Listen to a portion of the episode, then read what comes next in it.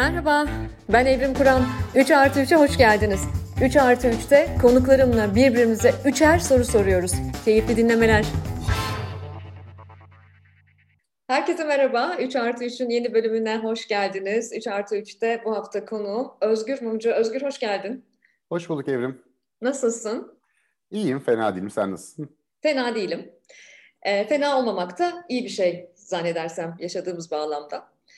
E, Şimdi ben e, teamül gereği 3 artı 3'ü bir hatırlatmak istiyorum dinleyiciye. 11. konuğumsun ama yine de formatı hatırlatmak istiyorum. Efendim biliyorsunuz konuklarıma 3 soru soruyorum. Konuklarım da bana 3 soru soruyor. Sırayla birbirimize soru soruyoruz. E, programın bence güzelliği, neşesi, enerjisi şuradan geliyor. Soruları önceden paylaşmıyoruz. O yüzden konuklarıma ayrıca teşekkür ediyorum. Soruları önceden paylaşmadığım konuklar geliyor buraya. Siz de artık bunu biliyorsunuz. Özgür benim 11. konuğum. 3 artı 3'te. Çok teşekkür ederim Özgür kabul edip geldiğin için.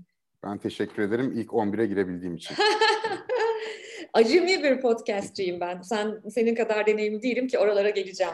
Biraz seni tanıtayım. E, gerek var mı tanıtmaya? E, bilmiyorum ama kendi dilimin döndüğünce azıcık tanıtayım seni. En azından ben seni nasıl okumuşum, nasıl tanımışım öyle e, onu anlatmak mümkün olur. E, tabii ki e, bu bir tesadüf mü bilmiyorum ama 3 artı 3'teki konuklarımın ekseriyetinin Ankaralı olduğunu artık fark etmişsinizdir. Bugün düşündüm de bu tesadüf olmasa gerek. E, ben de bir Ankaralıyım. Özgür aşağı yukarı benim kuşaktaşım. Ben ondan bir yaş büyüğüm ve e, Ankara'da doğdu. Ankara'da e, lise eğitimini tamamladı o ve sonra İstanbul'a Galatasaray Üniversitesi'ne geldi. Yanılıyorsam beni düzelt lütfen. Galatasaray'da hukuk okudu. E, hukuk okuduktan sonra Sorbon'a gitti ve Sorbon'da Fransa'da uluslararası hukuk ve uluslararası örgütler hukuku doktorası yaptı. Hatta ay doktorası ne kadar uzun sürdü falan diye de böyle bir sürü bir sürü e, linçlere falan da konu oldu. Doğru mu Özgür? Yok çok lince uğramadım aslında. Normal süresindeydi. Yani 6 sene falan sürdü aslında doktora. Yüksek lisansı da orada yapmıştım. Ee, ondan ötürü yani Fransa'daki normal şeyin çok üzerine çıktığımı zannetmiyorum. Orada biraz e, Amerika'da daha hızlı yapılıyor anladığım kadarıyla doktora. Anglo-Sakson evet. ülkelerde. E, Fransa'da biraz daha böyle bir saldım çayıra Mevlam kayıra durumu var gerçekten. Ve o sebeple bitirememe de çok yaygındır ama öyle çok acayip e, bir süre almadı. Yani e, Fransa benim gidişim 2005 doktora için dönüşüm 2009'un sonları. E, e bir şey yani, değil. Evet ama şöyle bir şey var. 2003'te kaydolmuştum ama Türkiye'deydim. Türkiye'de olduğum için de çok fazla Hı. yapamıyordum. Yani o iki seneyi saymazsak o, sırada araştırma görevlisi olmaya devam ediyordum üniversitedeki görevlerime. Yani e, o doktor olur mu olmaz mı gitmeden yapabilir miyim falan diye çok da asılmamıştım. E, sonra işte bir şekilde oraya gidebilince işte beş senede falan bitirdim. Süper. Ayrıca kümene, e, bunu da parantez içine alıyorum. E, ve e, Özgür e, döndü, yani doktorasını da tamamladı ve e, yazar oldu Özgür aslında. Yani yazma yazmaya e, başladı. E, iki tane kitabı var. Onu belki de bir tane kitabı var diye genelde biliyor olabiliriz ama bence e, çoklu yazarlı kitaplarda da yazıyorsak e, o da bizim kitabımızdır. Aslında Özgür'ün ilk kitabı e, yanılıyorsam düzelt Geleceğin Savaşları ve Silahları değil mi? Leda Kurtlarcan'la yazdığın. Doğru mu? Doğrudur. O bir uluslararası hukuk hakkında bir kitap. Evet. Bilimsel, akademik bir çalışma o. Ee, Bileda Kurtlarcan e, bizim üniversitede Galatasaray Üniversitesi'nde o da. Yeni doçent oldu hatta. Buradan da tebrik etmiş olayım. E, Bileda özellikle silahlı çatışmalar hukuku, insancılık hukuku konusunda çok uzmandır. E, ben de o dönem e, siber savaşla ilgileniyordum. O da işte bu geleceğin silahları dediğimiz işte bu dronlardır, e, işte otonom robotlardır vesaire. Hafif bilim kurgu trak e, meselelerle ilgilenmeyi sever. E, ikimizin ilgi alanlarını birleştirip öyle bir kitap çıkartmıştık zamanında. Zannederim Türkiye'de alanında ilkti. Tabii bayağı vakit geçti üzerinden ama. E, bence çok heyecan verici bir çalışma. Zannedersem e, şu anda da satışta değil, baskısı yok galiba. Hani sanki naçizane sanki olsa şimdi çok ihtiyacımız var gibi geliyor bana. Yani onu konuştuk, onu güncellememiz gerekiyor tabii. Yani evet. o kitap 6 yıl, 7 yıl geçmiş olabilir üzerinden. Ondan sonra tabii e, köprünün altından çok sular aktı. Fakat e, şu anda hani o e, konunun tarihi gibi e, olabilir. Bir o kadar daha yazıp onu güncellememiz gerekiyor. Aklımızda ama bir ara yapacağız. Harika, bu e, bu iyi bir haber. E, inşallah e, bunun e, geliştirilmiş baskılarla devamı gelir. Sonra ilk romanını yazdı Özgür, Barış Makinesi. 2016 mıydı? Öyle olması lazım. Özgür, evet 2016 ilk romanını yazdı. Değişik bir roman. Ee, zorlanmıştım ben okurken. Ee, birincisi roman okumakta zorlanıyorum bir edebiyatçı olarak. Ama e, beklemediğimiz adamlardan beklemediğimiz işler gelince e, şaşırtıyor. Bence çok ilginç bir romandı Barış Makinesi. Ben orada şunu gördüm. E, Özgür'ün çok şiirsel bir dili var. Ve e, dedim ki ya şiir kitabı falan mı yazsa adam? Böyle acayip metaforlar kullanıyor falan. Çok şiirsel bir dili var. Ve o şiirsel dili sonrasında e, kendi bağımsız medya platformlarındaki dilinde de izlemeye devam ettik. E, o şimdilerde e, bir podcast e, de yapıyor. Sevgili Eray Özer'le Yeni Haller diye bir podcast kanalı da var. Ben de sıkı bir dinleyicisiyim ve sadece ben değil zaten Türkiye'de en çok dinlenen podcastlerden biri oldu Yeni Haller. Ee, çok hoşuma gidiyor Yeni Haller çünkü benim e, makroekonomi hocam e, Profesör Hasan Ersel şey derdi ekonomiyi annene anlatır gibi anlatmalısın. İşte ekonomik krizi, e, türbülansı annene anlatır gibi anlatmalısın. Bundan çok etkilenirdim. E, yeni halleri dinlerken hep bunu hissediyorum. Yani aslında çok sofistike bazen bizim için çok komplike, ortalama insan için çok komplike olabilecek konuları e, o kadar sade ve o kadar eğlenceli bir dille anlatıyorlar ki bayılıyorum. Eminim bizi, beni şu an dinleyenler e, yeni halleri de dinliyorlardır ama hani olur da dinlemediyseniz eğer lütfen dinleyin. Bir de yeni bir şeye daha giriştiniz. E, yeni haller ve Aposto işbirliğiyle bir 10-20-30 diye bir ne diyeyim ona?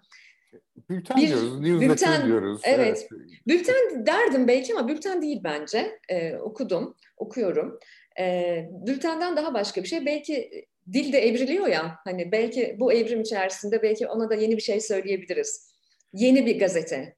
Ee, yani e, şey değişiyor e, tabii ki medya genel olarak değişiyor. Yeni mecralar ortaya çıkmaya başladı. Zaten hani ana akım dünyada da yıkılmaya başladı. Bizde başka siyasi sebeplerden ötürü o yıkım daha erken gerçekleşti. Bu ama sadece Türkiye'de değil yani dünyanın her yerinde bu newsletter meselesi e, giderek şey ivme kazanıyor. E, bizim de yapmaya çalıştığımız orada 10 günde bir 10 dakikanızı alıp size biz o 10 günü nasıl gördük, dünyada neler oluyor, e, onun biraz arka planını da anlatalım diye. Çünkü çok fazla haber bombardımanı altındayız. İşte bir sosyal medyada Twitter falan açtığınız zaman birbiriyle alakasız bir sürü haberi üst üste görüyorsunuz.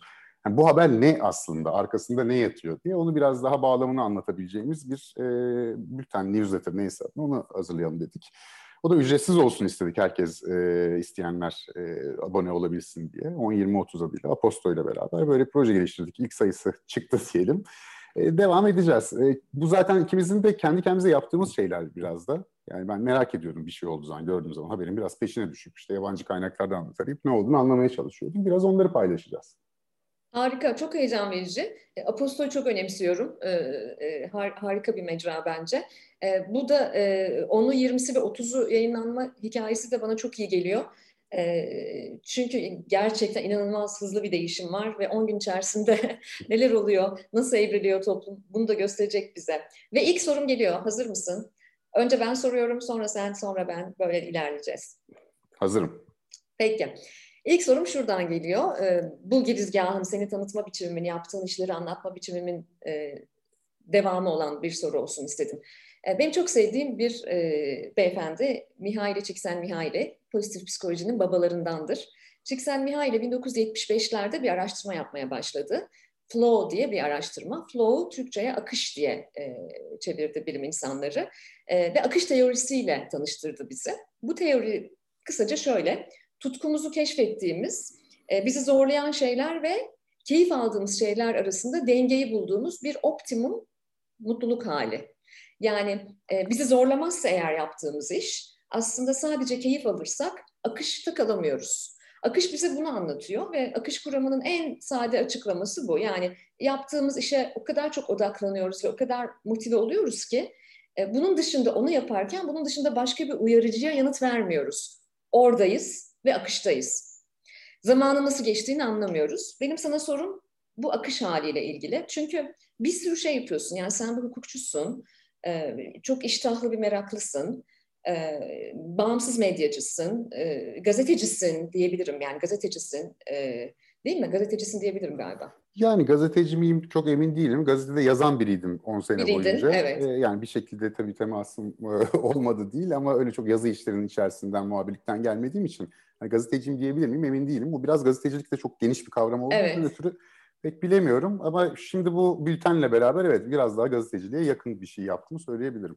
O halde e, gazetecisin, yazarsın, köşe yazarısın, e, romancısın, e, hukukçusun, podcast, bağımsız medya kanalların kanalın var ve podcast yayıncısısın. Ve tabii e, atlamayalım akademisyensin aynı zamanda değil mi Galatasaray Üniversitesi'nde hı hı. devam evet. ediyorsun. E, hocasın. E, ya bir sürü böyle işler yapıyorsun. Belki bilmediğimiz başka şeyler de var. Seni akışta tutan hangisi en çok? En çok hangisinde akıştasın? Yani bilmiyorum belki bütün bu saydıklarınızın hepsini çok sıradan ya da kötü yaptığım için hepsini aynı anda yapabiliyorumdur o da ihtimal dahilinde. yani şöyle oluyor, birinden sıkıldığında öbürüne çalışarak dinleniyorsun aslında. Yani ben en azından öyle bir taktik geliştirdim e, diye söyleyebilirim. Yani işte ders hazırlıyorum bazen daha önce vermediğim bir derse denk gelmiş oluyor. Hani bildiğim bir konu ama ders şeklinde vermemişim hazırlanıyorum vesaire. İşte o bitiyor.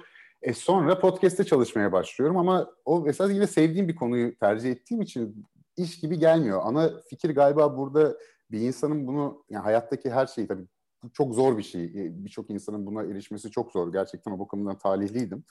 E, oyun gibi görmek gerekiyor galiba yaptığın şeyi. Yani bunu e, uğraştığın meseleyi yap, geçilmesi gereken bir sınavmış gibi görürsen, bir zorlukmuş gibi görürsen o zaman o seni ezmeye başlıyor. En azından bende öyle oluyor. Ben bunların hepsini bir oyun, bitirmem gereken, yani oynamam gereken bir şey gibi görüyorum. Yani insan böyle bir de vardır da o sözde. Yani bir çocuk oyuncaklarıyla oynamaktan genelde sıkılmaz. Onu o şekle çevirdiğin zaman sıkılmamaya başlıyorsun. Ama tabii bazen e, zaman yetmediği oluyor. Hani e, kafada kısa devre yapabiliyor gerçekten. E onda da öncelikleri ayarlamak gerekiyor. E, işte bir dönem sosyal hayatından çok kesebiliyorsun mesela. Ya da bir dönem işleri azaltıyorsun, sosyal hayatını arttırabiliyorsun. Kolay değil ama e, söylediğin o akış meselesine çok katılıyorum. E, ben de çünkü bir şeye konsantre olduğum zaman zaman nasıl geçtiğini anlayamayanlardanım. Ve e, yani bir şeyden keyif aldığım zaman anlamıyorsun zaten zaman nasıl aktığını. Yani çok zor bir şey olduğunu biliyorum. E, Birçok işin tanımı gereği böyle olması imkansız.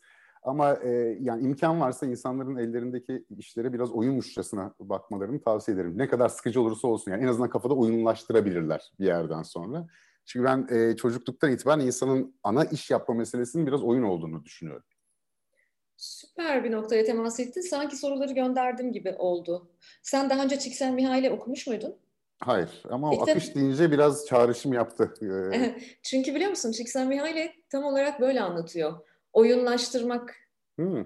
oyunlaştırmak olarak anlatıyor ve çıkış noktası da en çok akışta kalanlar çocuklar tabii. Çocuklar oyun oynarken akışta kalıyorlar. Bununla ilgili sosyal bilimin e, çalıştığı bir dolu araştırmalar var ama çıkış noktasını yapan insanlardan biri Mihaili Çiksen Mihaili ve oyunlaştırmak olarak tanımlıyor. Hmm. Çok güzel bir noktaya temas ettin yani. Bu kadar yani şu... sıkıntılı bir çağda mümkün mü? Mümkün yani mümkün yani tabii birçok insan da öyle yaptıkları işleri anlatırlar ki utanırız şu anda yani. Ben bunu nasıl oyunlaştırayım kardeşim diye karşımıza gelebilir. e, bu söylediğim elbette e, yani biraz yazıyla çiziyle ilgili işlerle daha kolay olabilir gibi geliyor bana. Ama fiziksel işlerde de belki yapılabilir bir noktadan sonra onu tam bilmiyorum. E, bu söylediğim de ben bir yerde okumuşumdur. Yani onu kendi kendime vardığımı zannetmiyorum. İsmi hatırlamıyorum ama bir yerlerde gözüme çarpmış herhalde ki söyledim onu. Evet ve e, iştahlı meraklıların böyle bir durumu var. Gidiyorlar ve bir zamanlar okudukları ve bilinçaltına yapışan dosyaları açıp oradan çekip çıkarıp paylaşabiliyorlar. Bu harika bir şey ve soru sırası sende.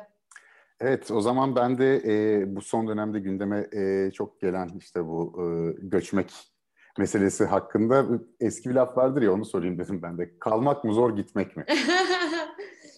Ya e, güzel bir soru. E, hem benim kişisel göçmenlik deneyimim hem e, bu konuda araştırma yapıyor oluşum. Özellikle de Türkiye'nin son dönemde göçen genç yetenekleriyle, yeni göç nesliyle ilgili araştırma yapmış olmam ve e, bunun, bununla ilgili bir kısa bir süre önce bir kitap yayınlamış olmamdan mütevellit e, bir yanıt vereceğim. Ama bu soruya özellikle teşekkür ediyorum. Çünkü e, göç meselesinde... E, beni bir göçmen olarak inciten ve birçok göçmeni de incittiğini düşündüğüm bir şeyle karşılaştım. E, bu da göçme deneyimine ve göçmene etiketler yapıştırılması. Bu etiketleme bir yanlılık getiriyor ve bu yanlılıktan da gitmek mi zor kalmak mı diye bir soru doğuyor. Ve ben o soruyu sevmiyorum. Neden sevmiyorum? Çünkü kalan cesurdur, giden korkak veya tam tersi gibi yerlere varabiliyoruz. Dolayısıyla e, ben zorluklardan ve kolaylıklardan, doğrulardan ve yanlışlardan ziyade gerçeklerden bahsetmemiz gerektiğini düşünüyorum. Göç bir gerçeklik ve bir hal, bir hal, yeni bir hal göç ve her an hepimizin deneyimleyebileceği bir hal. E, ve e, insanın e, bütün varoluşuna meydan okuyan bir hal. Belki böyle yanıt verebilirim. Bütün varoluşuna meydan okuyan bir hal. Kitapta da Behrengi'nin çok etkilendiğim e, Küçük Karabalığına referansla başladım zaten. E, zaten Küçük Karabalık hikayesinde de böyledir. Aslında Küçük Karabalık e, e, kendi hayatında mutlu mesut yaşamaya, annesiyle, babasıyla, arkadaşlarıyla, diğer küçük balıklarla yaşamaya devam, devam edebilir ama bir merakı vardır. Ve der ki benim gidip bu derenin nerede bittiğini öğrenmem gerekiyor, okyanuslara açılmam gerekiyor der. Aslında göçte böyle bir deneyim. Tabii ki motivasyon son dönemlerde biraz daha evrildi. E, bir tür zorunlu gönüllü göç halini aldı. Ee, ama ben ülkeye geri dönme planı yapan yani bir geri dönüş mitiyle şu an haşır neşir olan e, önümüzdeki bir sene içerisinde kesin dönüş yapmayı planlayan biri olarak e, hayatta hiçbir şeyin kolay veya zor olarak tanımlanmaması gerektiğini, bu halleri kucaklamamız gerektiğini düşünüyorum. Bilmiyorum çok mu soyut konuştum? Yok ben de katılıyorum. Bir kere her e, kişinin kendi e, bu göçme ya da kalma meselesini kendi şartları içinde değerlendirmek gerek. Burada hani giden şöyledir, kalan böyledir demenin hiçbir manası yok. Çünkü herkesin ayrı bir hikayesi, herkesin ayrı koşulları mevcut. E, yani ben yurt dışında yaşadım ama temelli gitmediğimi bildiğim için uzun sürede kalmış olsam o başka bir ruh halidir diye tahmin ediyorum. Ben döneceğimi biliyordum. Yani dönme niyetindeydim zaten ama yine de yurt dışında e, yaşamanın aslında ne kadar zor olduğunu da biliyorum. Yani şimdi özellikle e, işte orta üst sosyoekonomik sınıftan yurt dışına gidenler birdenbire sınıf düşecekler. Yani onu da göz önünde almaları gerekiyor. Tabii. Yani e, burada e, doğal kabul ettikleri birçok özellikle hizmet sektöründeki birçok şeyin orada kendi başlarına halletmeleri gereken bir durum olduğunu, işte oturma izni almanın yabancı bir ülkenin bürokrasisiyle bir yabancı olarak karşılaşmanın ne kadar yeri geldiğinde haysiyet kırıcı bile olabileceğini, işte kültürel uyumsuzluklardan falan bahsetmiyorum. Onlar bir şekilde halledilir e, gibi geliyor bana birçok ülke açısından. Özellikle e, işte belli bir eğitim üzerindeki vesaire insanlar onu halledebilirler ama e, gidenlere öyle kaçtılar diye bakılmaz bence de. Öyle kolay bir şey değil. Orada yaşamış ve dönmüş biri olarak söylüyorum. Evet aslında doğru söylüyorsun. Yani e, öğrenci olarak gitmek veya nasıl olsa ben döneceğim diye gitmek biraz daha farklı. Ben giderken e, bu bu bu çelişkileri yaşamamak için e, köprüleri yakmak istedim ve evimi kapattım. Eşyalarımı dağıttım. Dönecek bir evim e, olmasın istedim. E, ve fakat evdeki hesap çarşı uymadı. Ben işlerim sebebiyle çok sık Türkiye'ye gidip gelmek durumunda kaldım. Ama Türkiye'de e, gittiğim yerlerde işte otellerde ve bir yurtsuzluk halinin e, sürekliliğiyle yaşamak zorunda kaldım. Ve galiba beni bütün bu süreç boyunca en zorlayan şey 40 yaşımda göçtüm ve 40 yaşımda hayatımda ilk defa bir ülkeye turist kapısından değil göçmen kapısından girmek oldu. Ve e, o seyahatimde on buçuk saatlik o yolculuk boyunca hep bunu imajine etmeye çalıştım. Acaba bunu e, yani kibirli bir insan olduğumu zannetmiyorum. E, şartlara da adaptasyonumun kolay olduğunu zannediyorum ama sonuçta belli bir deneyimle gidiyorsun oraya. 40 yaşında çok kolay bir şey değil o. E, ve göçmen kapısından girerken sana benzeyen ve sana benzemeyen pek çok farklı göçmenle, farklı profilde insanla bir sıraya giriyorsun. Ve e, benim avantajım bu konuda çok deneyimli bir ülkeye gitmekti. Dolayısıyla çok nazik bir şekilde karşılandım ve yeni ülkenize hoş geldiniz diye karşılanılan bir sistemdi. Ama e, hep bir kağıt kesiği olacak olarak kalacak kalbimde o gün. O günü hayatım boyunca unutmayacağım. E, dolayısıyla bu tabii ki çok zorlayıcı bir deneyim. Benim benim hikayem böyle sürdü ama bizim araştırmalarımızda dönmeyi düşünüyor musun sorusunu biz tabii çok sorduk yeni nesil göçmenlere özellikle son dönemde gidenlere. İnsanlar genel olarak yüzde yetmişi kararlarından memnunlar. Yüzde elliye yakını dönmek istiyorlar ama şartlı bir şekilde istiyorlar. Yani Türkiye'de büyük değişiklikler olursa dönmeyi düşünenler var. Dolayısıyla e, o kağıt kesiğiyle yaşayan şu anda çok fazla insan olduğunu düşünüyorum ki biz 118 ülkede göçmen araştırması yaptık. Dünyanın dört bir tarafına giden insanların çok benzer bir e, duygudaşlığı var. E, çok sevdiğim Adnan Özer bir keresinde bana şey demişti. Trajik yakınlık en anlamlı dostluktur demişti. E, böyle bir trajik yakınlığı var yani dünyanın dört bir tarafında göçmenlerin. Evet yani bir yandan e, üzücü tabii e, Türkiye'nin hani şey diye bakalım yetişmiş insan gücünü yitiriyor vesaire falan deniyor ama şimdi olan oldu bir kere. Ee, evet. E, olan olmaya devam edecek. Şimdi hakikatte de dövüşmenin tabii çok bir manası yok. E, bu tabii ki Türkiye'de şartlar değişir ve inşallah, inşallah insanlar daha mutlu olacakları bir hayatı burada kurabilirler. Ama olmasa da e, belki de şu açıdan bakmamız lazım. Yurt dışında yetişmiş e, bir e, Türk diasporası oluşuyor şu anda. Daha önceki diasporalardan farklı olarak. E, bu da e, birçok şu anda gö- öngöremediğimiz kapılar açabilir hem ülke bakımından hem o insanlar açısından. Yani e, olumsuz taraflarını elbette düşünelim ama olumlu tarafında düşünüp buradan pozitif bir şey çıkartmaya da çalışmakta fayda olabilir.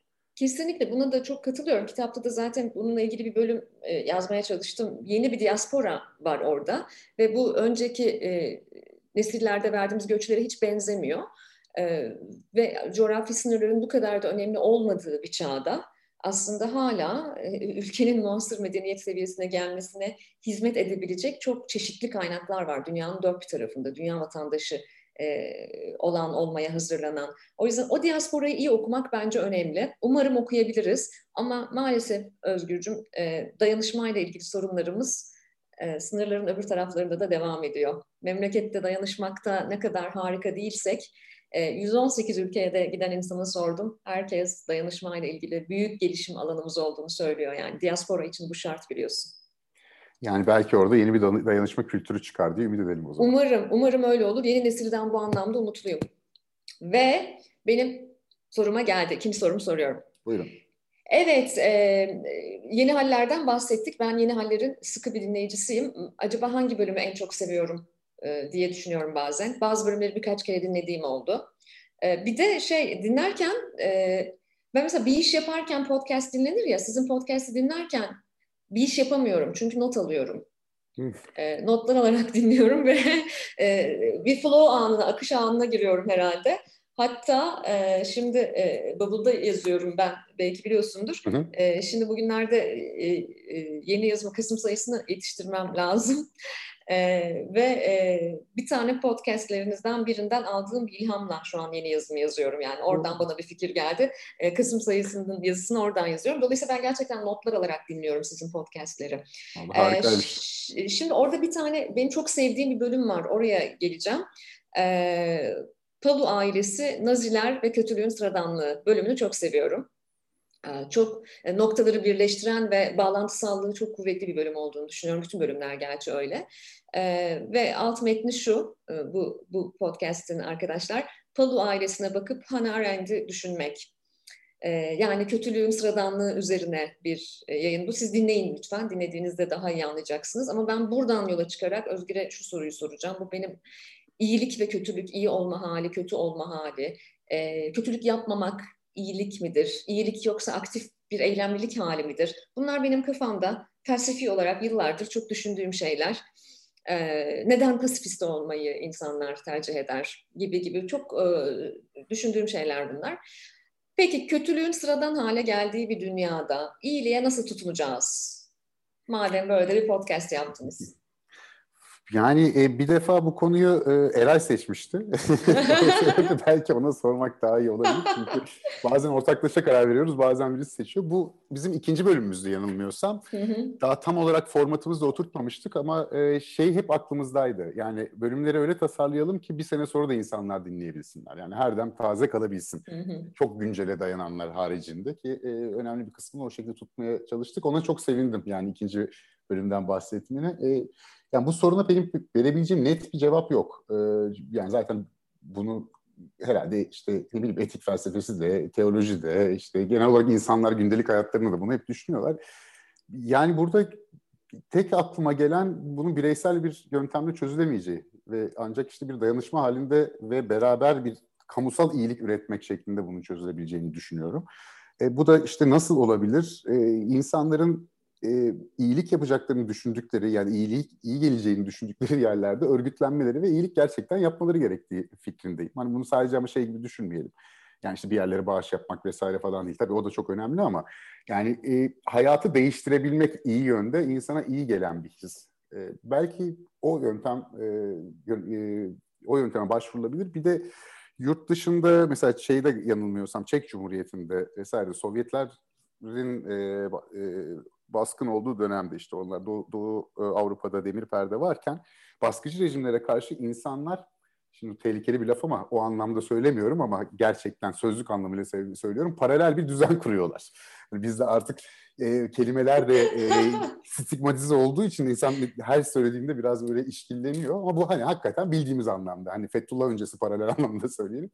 E, insanların eğer e, var olan rejimden mutsuzlarsa ve orada kendini çıkış alanı bulamıyorlarsa kendilerini sivil toplum olarak örgütlenmeleri ve kendilerinin kendine kötü gelen sistemin dışına çıkıp biraz e, kendi kendilerine sivil olarak örgütlenip e, hayatı devam etmeleri, dayanışma ağları kurarak e, deniyor ve e, birçok devlette de daha sonradan demokrasiye geçişte bu tip dayanışma ağlarının çok önemli e, reformcu e, ve toplumsal uzlaştırmayı sağlayacak roller oynadığını görüyoruz.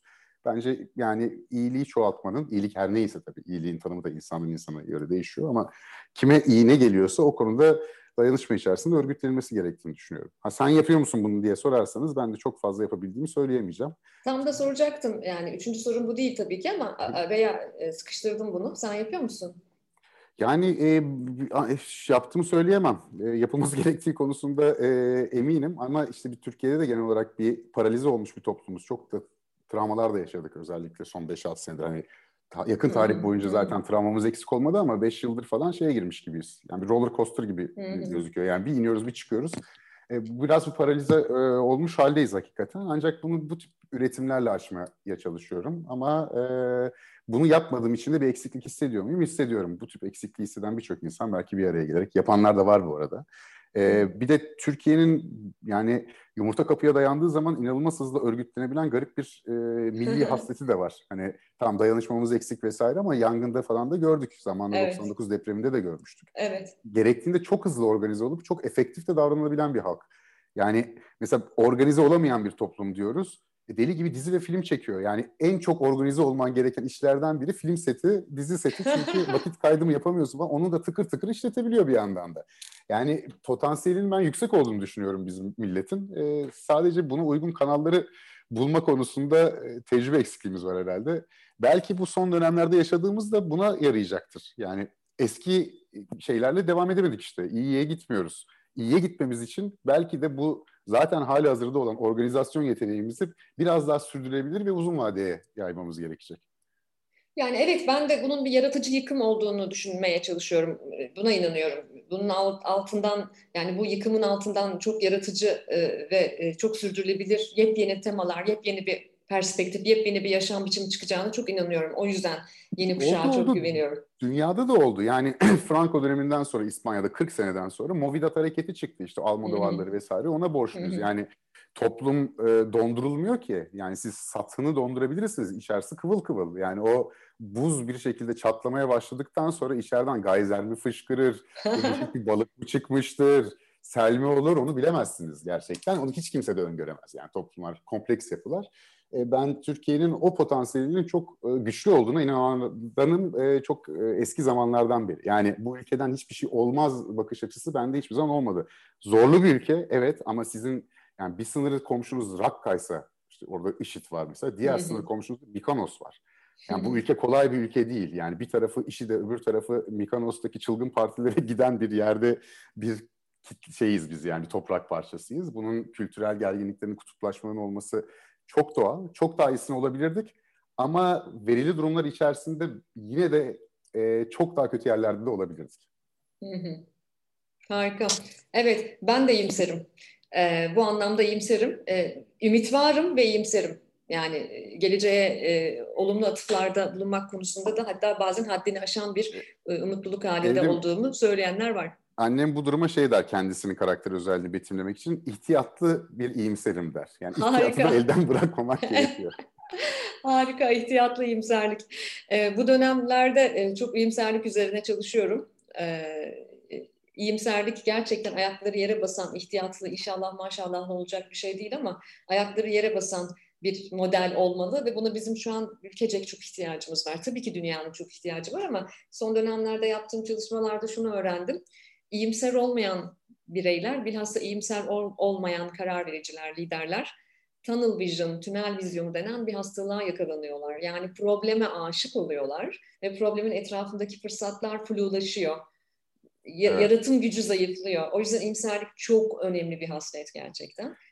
Bir de ama, yani mesela ironi çok hoş bir şeydir. Çok hoşlanırım ama o sinizme kaymaya başladığı zaman bir e, insanı pasifleştirir. Yani iradenizi yansıtma imkanı bulamazsınız sinizmin içerisinde. Hem yani bir de çok genelde zeki insanlar da sinik oluyorlar. O yazdıkları ettiklerinde. O çok ince bir çizgi. Yani o umutsuzluğa gitmek Ve etrafa da e, umutsuzluk ve yılgınlık e, yaymanın e, pek bir faydası olduğunu düşünmüyorum. E, hakikaten e, iyimserlik yani iyimserlik irade için gerekli bir şey zaten. Ya bu nasıl olsa olmayacak derseniz evden çıkmazsınız zaten. Hiçbir şey yapmazsınız o zaman. Yani ölelim gitsin. böyle yani iş böyle gider diyorsa kapatalım, fişi çekelim. Hepimiz öyle oturalım ya da sebze gibi evde yani. Ee, iyimser olmak zorundayız ki bir şey yapabilelim, bir şeyleri değiştirebilelim. Biliyor musun Özgür, e, Deloitte'un bir e, küresel e, gençlik endeksi var çeşitli başlıklar altında. Bir iyimserlik endeksi var bunun içinde. Maalesef Türkiye'nin gençliği Avrupa ülkelerinde yapılan bir araştırma bu. E, son sırada iyimserlikte. O yüzden e, bizim bütün gelişim programlarında, bütün gençlik iletişimimizde o tarafa da yatırım yapmamız gerekiyor. Bunu da parantez içinde ifade etmek istiyorum. Önümüz seçimler, e, gençlik iletişimi yapan iktidarından muhalefetine siyasi partiler var. Bu imserliği çok ciddiye almamız gerekiyor. Yani sosyal medyada şaka yaparak olmuyor bu. Sinisizmle, sarkazmla olmuyor. Bu bambaşka bir şey. Buna çok ciddi yatırım yapmak gerekiyor. Bunun için e, sevgili Yaşar Kemal'in söylediği gibi bir dile ihtiyacımız var. Yeni bir dile ihtiyacımız var. Ortak bir dile ihtiyacımız var. E, bunu da bu vesileyle altını çizmek istiyorum.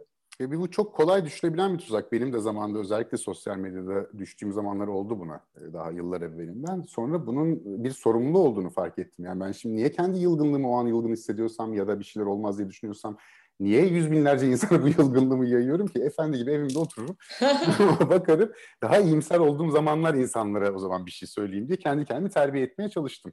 Şimdi benim soruma sıra geldi. Yani. Evet, haydi bakalım. Bunu birkaç kez podcast bölümlerinde de bahsettim. Takıldığım bir nokta bu çünkü. Ee, biliyorsun Aziz Nesin'in bir kitabı vardır meşhur Şimdiki Çocuklar Harika diye. Kitabın baskısı Ay. 1967. Yani 1967 senesinde çocukların harika olduğu mu düşünülüyordu? Her zaman yeni gelen kuşağın harika bir pırlanta, pırıl pırıl gibi bir kuşak e, mı gelişiyor deniyor. Acaba bir yanılgımız mı var? Yani şimdiki çocuklar harika mı? Bir kuşak bir diğerine göre süper kuşak olabiliyor mu? Ee, bu konuyu bir kuşak araştırmacısı olarak sana ya ne güzel e, bir yerden girdin. E, duygulandım, heyecanlandım. E, çünkü belli bu işlere iten, bu, bu, bu havuza atan, bu okyanusa atan diyeyim ya da e, baş kişi Aziz Nesin. Hmm. E, ve şimdiki çocuklar harika. Yani o kitabı okuduktan sonra e, ben galiba kuşaklarla ilgili içime ilk ateşin düştüğü zamanlar ki işte çocuğum aslında yani çocuk bir okuyucuyum ve hep bu konuya çok merak sardım. E, e, birinci kitabımda zannedersem birinci kitabımda da bahsediyorum şimdiki çocuklar harikadan ne kadar etkilendiğimi. E, jenerasyonel sistem teorisi bize aslında çok kısaca şunu anlatıyor bütün şimdiki çocukların harika olduğunu anlatıyor. Aziz Nesin haklı yani ve bu çok zamansız bir şey.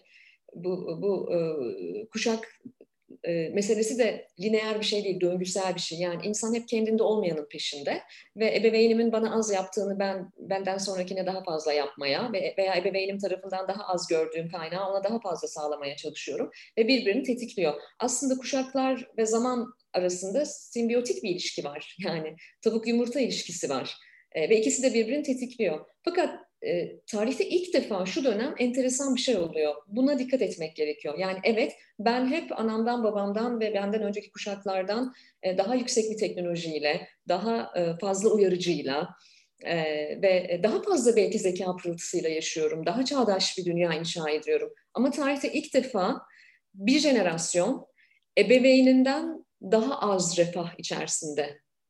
Bu çok kritik. Yani, yani bu dönemin tarihte, en önemli özelliği bu tarihte ilk defa olmasa bile Batı toplumlarında İkinci Dünya Savaşı'ndan bu yana. Yani evet. 1946'dan sonra evet böyle bir zımni bir anlaşma varmış gibiydi kuşaklar arasında. Evet. Yani siz bizden daha e, zengin olacaksınız gibi. Evet. O söz 2008 kriziyle beraber e, iptal olmuş oldu hakikaten. Evet, e, bu bu iptal oldu ve e, bu yüzden de e, aslında mesela şu anda döngüsel ekonomi konuşuluyor. İşte e, mülkiyetçiliğe karşı e, deneyimleme konuşuluyor. İşte gençler araştırmalara göre sahip olmaktansa kiralamayı tercih şey diyor vesaire vesaire. Bunlar aslında bu bağlamın doğal sonuçları.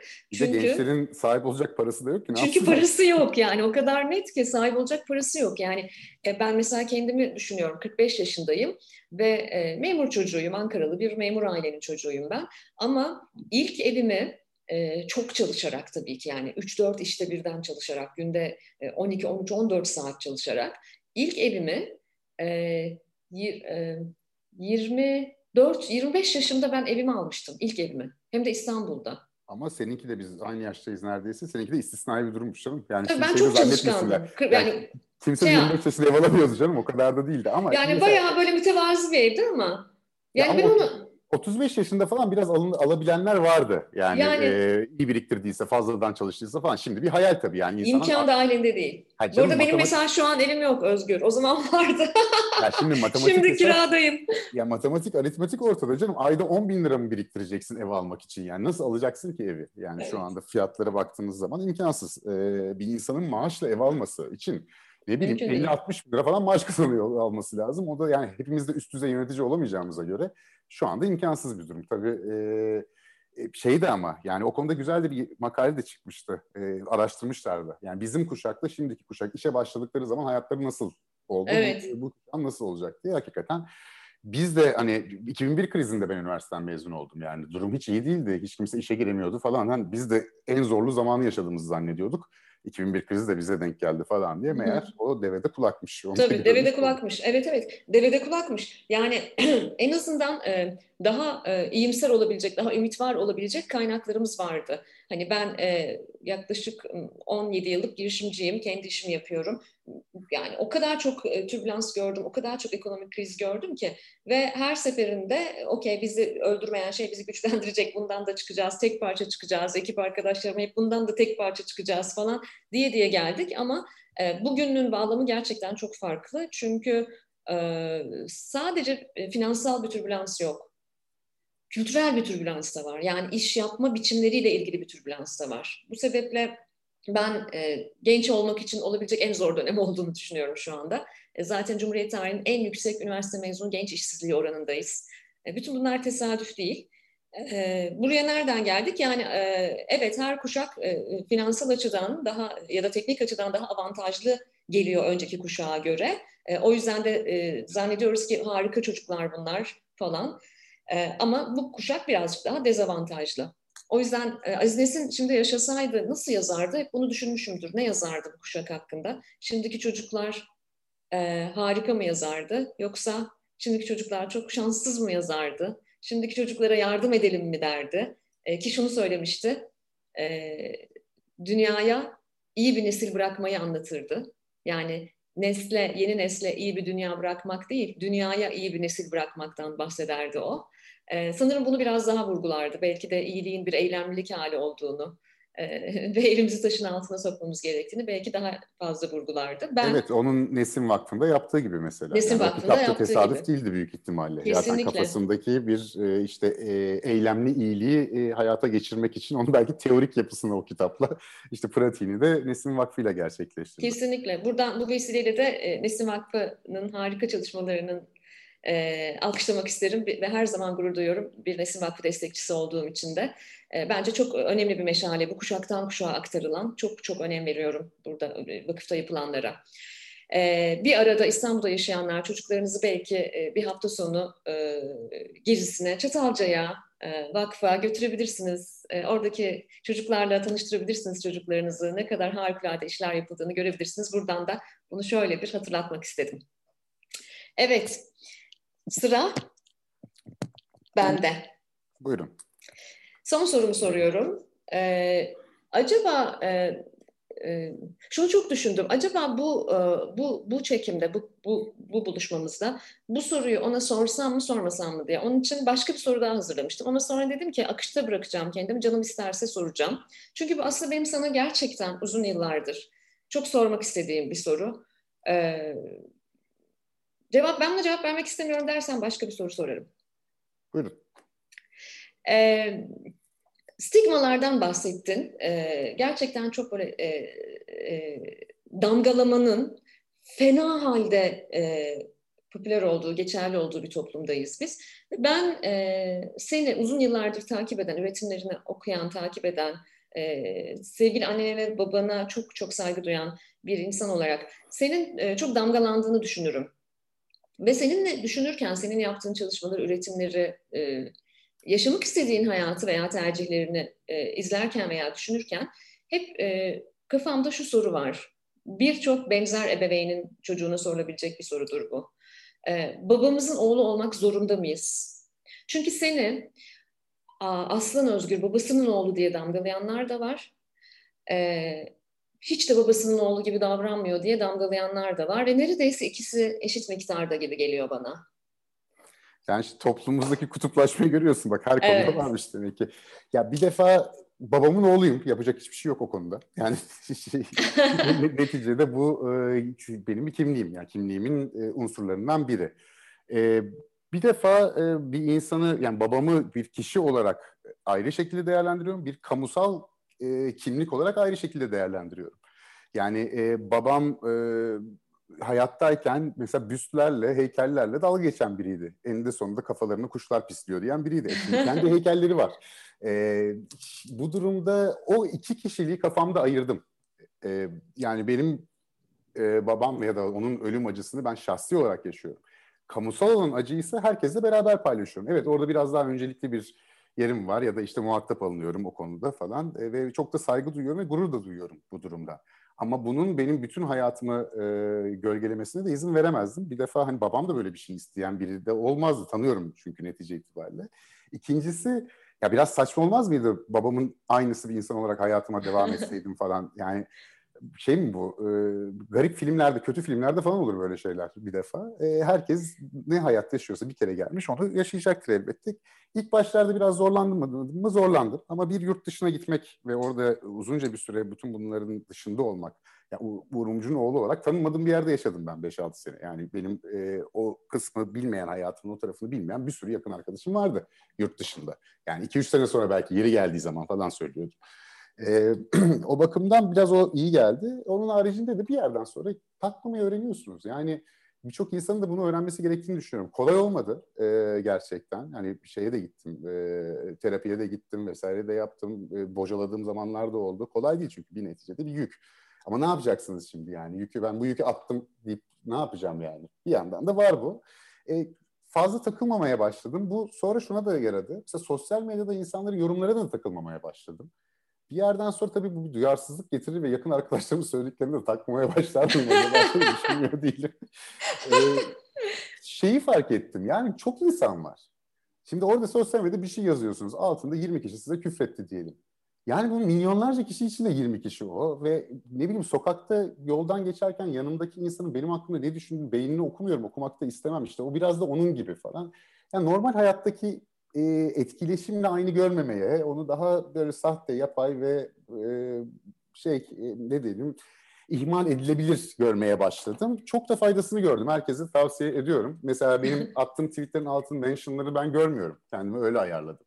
Ben bir şey yazıp sonra Twitter'ı kapatıp hayatıma devam ediyorum. Altta bana saatlerce küfür mü edildi bilmem ne oldu. Hani tabii ki çok acayip bir şeye varırsa, trending topiklere falan olursam haberim olur da onun haricinde olmuyor da. Biraz da öyle yani kulağını kapatma vardır ya. Biraz onu yaptım çünkü gerçekten umursamıyorum. Ben kendimin kim olduğunu, ne yaptığını biliyorum. Ha, yanlış da yapıyor olabilir. O da mümkün. E, ama bırakalım da onu da ben değerlendireyim diye e, düşündüm. Ben çok büyük hatalar da yapmış olabilirim. İleride de yapacak olabilirim. E, ama biraz daha insan böyle oluyor zaten. Yani e, ben bir filmdeki iki boyutlu karakter değilim ki e, işte babasının bayrağını aldı gitti işte genç prens e, işte o kaybedilen savaşı kahramanca kaybedilen savaşı o kazandı falan. Bunlar filmlerde olur, romanlarda olur ve kötü film ve romanlarda olur bir de. Hayatta öyle bir şey olmaz. E, kendi kendime e, kendimi ikna edebildiğim sürece benim için sorun olmadığına kendimi ikna ettim ama bu e, elbette vakit alan bir süreç oldu. Ne kadar da başardım bilmiyorum tabii onda yani. Başarmışsın gibi görünüyor. İnşallah bakalım göreceğiz. Daha hayat, inşallah hayat uzundur. Sınanırız yani. Samimi yanıtın için çok teşekkür ediyorum. Ee, bu, bu bence e, elbette elbette e, çok büyük bir toplumsal sorumluluk da getiriyor. Elbette Urumcu'nun oğlu olmak bir apayrı bir kimlik ama e, bu olduğumuz hallerimizle varız ve okeyiz. E, mesajını da galiba vermek gerekiyor. Çünkü e, bir de netiket yani internet ahlakı konusunda da zaten bayağı bir gelişim alanı olan da bir ülkeyiz. E, ben bazen şey diye düşünüyorum yani bir gün e, internet, e, Twitter'da galiba bir, bir video yayınlamam gerekmişti bir, bir kampanya ile ilgili bir şeydi, bir toplum, toplumsal fayda işiydi. Böyle gözlüklerim vardı. Bir tane beyefendi altına şey yazdı. İğrenç gözlükleriniz. Hiç yakışmamış İşte o yanından geçerken beyninden geçen bir şey işte. Yani onu kontrolüne gerek yok aslında. evet. Sonra e, tabii bunun gibi yani milyonlarca e, örnek verebilirim ama ben e, o zaman o beyefendiye şöyle sormuştum. Mesela bir kafede bir kafede karşılaşsaydık ve benim gözümde çünkü bunlar benim okuma gözlüklerim gözüm bozuk ve bunu takmak zorundayım. Ben bu gözlüklerle kafede oturup kitabını okurken siz gelip iğrenç gözlükleriniz var mesela der miydiniz bana? Yani aslında e, dijital medyada e, sokak gibi bir yer ve orada da bir ahlak var. Yani orada da bir normlar falan var, bir e, bir e, kurallar seti de var. E, o sebeple bir taraftan hem oraya da referans vermek istedim bu sorumla. Bir taraftan da olduğumuz hallerimizin, otantik ve özgün hallerimizin ne kadar kıymetli olduğunu ben birçok çeşitli onlara adledilmiş apoletlerin sorumluluğunun altında ezilmekte olan belki insanlar için de bu soruyu sormak istedim. Samimiyetin için çok teşekkür ediyorum sana. Rica ederim. Sıra bende galiba. Evet ve ben son soru Özgür'den son geliyor. Soru. Son soru geliyor. Bu son soru böyle hatırlarsın sen de lise yıllarında, ortaokul yıllarında daha ziyade böyle şeyler dolaşırdı. Ee, anketler mi? Anket mi deniyordu ona? Bizim kuşakta evet. Evet, defterler dolaşırdı. Defterler. Orada bazı sorular olurdu. Onlara cevaplar verildi falan. Neredeyse o kıvamda basitlikte bir şey soracağım ama benim hep merak ettiğim Süper. şey insanlarda. Zamanda yolculuk imkanı olsa geleceğe mi giderdin, geçmişe mi? Wow. Ee, geçmişe giderdim. Neden? Ee, hani hep şey derler ya, hiçbir şeyden pişmanlık duymuyorum. Her şey beni ben yaptı falan. Ya ben yani e, o kadar süper bir kadın değilim yani süper bir karakter değilim. Ee, geçmişte o an e, öyle değil de böyle yapsaydım dediğim bazı anlar var. E, bir iki tane çok spesifik an var. Oraya gide oraya giderdim. Oraya giderdim. Niye geleceğe gideyim? Gelecek zaten gelecek. Heyecanı da orada. Geçmişe Sen giderdim. Kendi yaşam sürende düşündün ama. 1200'lü yıllara giderdim diye düşünmedin. Yok oralara falan da gitmezdim ben. Aa. Ben hayatta oralara gitmem bir kere. Antibiyotik yok. Ölürüm. Tabii yani Hemen yani hiç ben oraları hiç merak etmiyorum. Yani gerçekten e, yani modern yaşamı seviyorum ben. Hani e, dolayısıyla gidebileceğim en geri yer neresidir ya? 1976'dan sonrasıyla ya öncesiyle gitmek istiyorum. Zaten memleket acayip yerlerden de geçiyordu ayrıca. E, ondan önceki e, e, tarihsel şeylere de gitmek istemiyorum. Yani mitoloji falan çok severim ama mitolojik bir karakter falan da olmak istemiyorum ben. Ya mitolojik ee, zaten hani gideceksin antik Yunan dönemine orada bir tane çoban falan duruyor işte bir yerlerde. çok sıkıcı. İhramlı abiler bir yerlerde bir şey konuşuyor falan. Hani Zeus yok ortalıkta. Gerçekten çok sıkıcı. Brüj'de e, e, bir e, belki görmüşsündür bir, bir bir tarih müzesi yaptılar ama e, artificial intelligence kullanarak yaptılar bunu. Harika bir müze. Yani gidersen hani Bruges dünyanın en romantik yeri diye e, hep tavsiye ediliyor ama aslında bence yani tarih tarih merakı olanların bence çok görmesi gereken yani, bir Bruges diye bir film vardı ona bayılmıştım. Muhteşem. Oradan biraz zaten evet In Bruges'i izleyen zaten Bruges'e gidiyor. Ee, yani git yani bence bir ara pandemi falan iyice geçince çok güzel bir yer gerçekten. Orada bir tarih müzesi var ee, ve o tarih müzesini artificial intelligence ile tasarlamışlar yapay zekayla. Yani gerçekten o tarihin içerisinde yer alıyorsun. Yani gözlükleri takıyorsun ve e, binlerce yıl öncesine gidiyorsun ve ticaret nasıl ticaret yapıyorlar, korsanlar geliyor, o oluyor. Bir, o, bir film setin içinde buluyorsun kendini. Ama ya Rabbim ne kadar sıkıldım sana anlatamam. Yani çünkü ben modern çağ seviyorum, bilim ve teknoloji seviyorum, bunu anladım. O yüzden ben kendi hayatımda giderdim. Kendi hayatımda tam da aklımda bir nokta var yani oraya giderdim. Oraya ufak bir neşter atardım yani. Onu düşünüyorum. Ee, geleceğe de gitmezdim. Sen? Soru hakkım bitti ama hadi kapatmadan bunu sana sorayım. Ben kendi hayatım boyunca bir yani kendi hayat süremdeki bir yere gitmeyi hiç düşünmedim bu arada. Sen söyleyince de şaşırdım hatta. Hani çoğu insan da öyle düşünmez bu arada. Napolyon'un oraya gideyim falan der insanlar genelde. ee, şey e, ama tabii canım hepimizin hayatında pişman oldu keşke öyle demeseydim. Özellikle hani kalbini kırdığım bir iki insan olduğunu ben de düşünüyorum ve e, hani o dönem eşeklik ettiğimi düşündüğüm durumlar var her zaman da açıp da arayamıyorsun yani. 20 sene sonra, 10 sene sonra hani damdan düşer gibi. Ulan ben unutmuştum. Allah belanı versin. Nereden hatırlattım? O da olabilir. Tabii bir iki şey var. Herkesin hayatında e, şu ya da bu boyutta vardır. Ben geleceği ama yakın geleceği herhalde giderdim. Yani bir 20-30 sene sonrasını biraz merak ediyorum. Hani bu iklim krizi nasıl olacak? Evet. Öleceğiz mi? Kalacağız mı? İşte ne bileyim yarın öbür gün bir yerden bir şey alsak yayladan mı alalım? Deniz kenarlarını mı Pratik sebeplerle. Ee, ben de şey hani bir, bir sonra ne olacak merakı var. Biraz dünyayla dizi izler gibi izliyorum. Yani birçok şey de bana şey gibi geliyor böyle. Ha sezon sonrası sonu finali daha olmadı. Ha, sezon sonu, finali geldi. Daha böyle şey finali değil ama dizi finali değil falan gibi bakıyorum. Biraz epizodik de bakıyorum yani kendi yaşamı. O e, fazla dizi tasallutu altında kaldığımız için de olabilir tabii. Bu arada bunu da parantez içinde belir, belirtelim. Bence sen sıkı bir sinefilsin. Yani e, Özgür acayip bir sinema kültürü o kadar film, sinema ya. Bence yani, öyle. Ve şey, o kadar yansıyor ki e, konuşmalarına, örneklerine. Hani çok dinlediğim için seni. O ya kadar yansıyor ki. Sistemli izlemiyorum. Mesela Eray o konuda benden çok daha kuvvetli. o üniversite yıllarından beri e, akademik olarak da teorisini falan da biliyor. E, yani ben böyle çok e, zor filmlerde zorlanan biriyim mesela. Ama çok fazla film izledim evet. Yani ama abur cubur izlediğim film de çoktur. Hani öyle bir entelektüel sinema film olduğunu söyleyemem ama evet çoğunlukla bir şeyler izliyorum e, genelde. E, bu mesela romanda kötü bir şey. Yani romanı yazarken böyle film gibi aktarmamak gerekiyor. Hatta bir e, Murat Ürkulak, sevgili Murat Ürkulak böyle barış makinesine ilk bakarken sonra attığımız bölüm şey vardı.